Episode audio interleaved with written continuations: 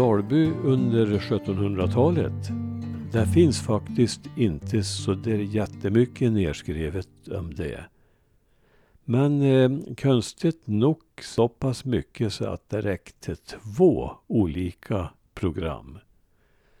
Det vart två artiklar i Värmlandsbygden. Den ena den 24 februari och den andra den 10 mars 2011. Märk väl att norra och södra Finnskoga på 1700-talet hörde till Dalby socken. 1700-talets Nordvärmland Del 1 Från 1800-talets norra Värmland finns många målande beskrivningar av olika resenärer och inte minst av den välkände författaren Gustav Skröder. 1700-talet däremot har haft en undanskymd plats i litteraturen och har lyfts fram skriftligt framförallt i kyrkböcker och domböcker. En mer ingående beskrivning lämnades emellertid för snart 250 år sedan av dåvarande landshövding Adolf Mörner i Örebro län, som ju också omfattade Värmland fram till 1779. Kort ekonomisk beskrivning över Värmeland år 1762 heter Mörners rapport. Även om det är troligt att han haft hjälp av goda medarbetare står han i alla fall som författare. Här berättar han att Älvdals härad vid tiden för nedtecknandet utgör ett pastorat men med fyra församlingar, nämligen Råda, Ekshärad, Ny och Dalby. Den sammanfattning som följer nedan gäller i huvudsak den nordliga delen av häradet, dit också Finnskogarna hör vid denna tid. Året är alltså 1762 och Sverige regeras av kung Adolf Fredrik.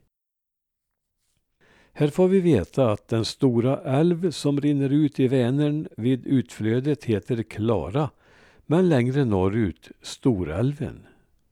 Bortsett från sju hemman i Västanberg ligger alla hemman från Ekshärad och norrut vid Storälvens stränder och vilar på sandjord. Att finngårdarna borta på skogarna är byggda på moränmark nämner han inte. Om man får tro rapporten är älven upphov till flera bekymmer än till glädjeämnen. I den ofta så trånga dalgången där älven rinner fram mellan bergen har de flesta tagit den odlingsbara marken i bruk. Men Mörner menar att odlaren får skatta sig lycklig om han, för älvens våldsamhets skull, får behålla det som är uppodlat. Alla år, särskilt vid stora vattenflöden, bryter älven ut ansenliga stycken ur åkermarken, citat, som han lämnar till en och annan på ett annat ställe men sällan så rättvist att den gamla ägaren får sitt igen. Slut på citat. Om och lite överdrivet säger detta en del om den kraftigt meandrande Klarälven. Mossar och kärr skulle kunna nyttjas på ett mycket bättre sätt påpekar Mörner. Här skulle odlingsbar mark kunna skapas, eller kanske främst ängsmark. Några lyckade försök redovisas också. Det är brukspatronerna Geijer på Traneberg och Robsam i Letafors han hänvisar till. Ett liknande efterföljansvärt försök har också genomförts på Finnskogen av bonden Olof Paulsson i Röjden. Denne hade turen att i sin tjänst få en värsköte som var kunnig med dikning och med dennes hjälp förvandlade Paulsson en stor mosse till åker. För detta, menar Mörner, borde Finnskogsbonden belönas med något litet premium. Ängsmarken i själva älvdalen beskrivs som svag och ringa. Den ligger vid de lägsta områdena vid älvstränderna och får vid de årliga översvämningarna en hel hop sand som uppslukar den påförda gödningen. Mycket av landshövdingerapporten handlar om den dagliga kampen för brödfödan, hur alla tillgångar måste utnyttjas för överlevandet. Allt tänkbart foder tas tillvara. Man slår på myrar, mossar, vid sjöar, älvar och bäckar i skogen före själva slottanden. Man bryter löv av björk, vide och sälj som torkas och packas i ladorna. På de stora mossarna samlas också vitmossa. Här avses troligen renlav som användes som nödfoder in på 1900-talet, vilket körs hem på vinterföret. Den blandas med något mjöl i varmt vatten och ges till kreaturen. Annat nödfoder som kan få tillgripas framåt våren är sälgkvistar, videkvistar, aspbark, rönnbark och i yttersta nödfall björkris. Trots allt detta slit med foderanskaffning berättas det i rapporten att det vid denna tid knappast finns någon bygd i landet som föder fler kreatur på varje hemman. Älvdalsbönderna får också beröm av landshövdingen för att de använder hackat granris som strö i ladugårdarna då detta anses som ett förbättringsmedel för gödseln. Sådan gödsel ska också ha den egenskapen att den håller kveka, kvickroten, borta. Arbetet i skogen innebär att övernattningar långt bort från hemmet är ofrånkomliga. Att skicka med mat för flera dagar ordnar sig lätt när bonden har säd i sin bod och hustrun mjölk i sin bytta. Två kappor eller fyra kannor havremjöl och ett halvt stop surmjölk är tillräckligt för en dräng sex dagar i skogen. Om möjligt kompletteras med smör och mesegröt.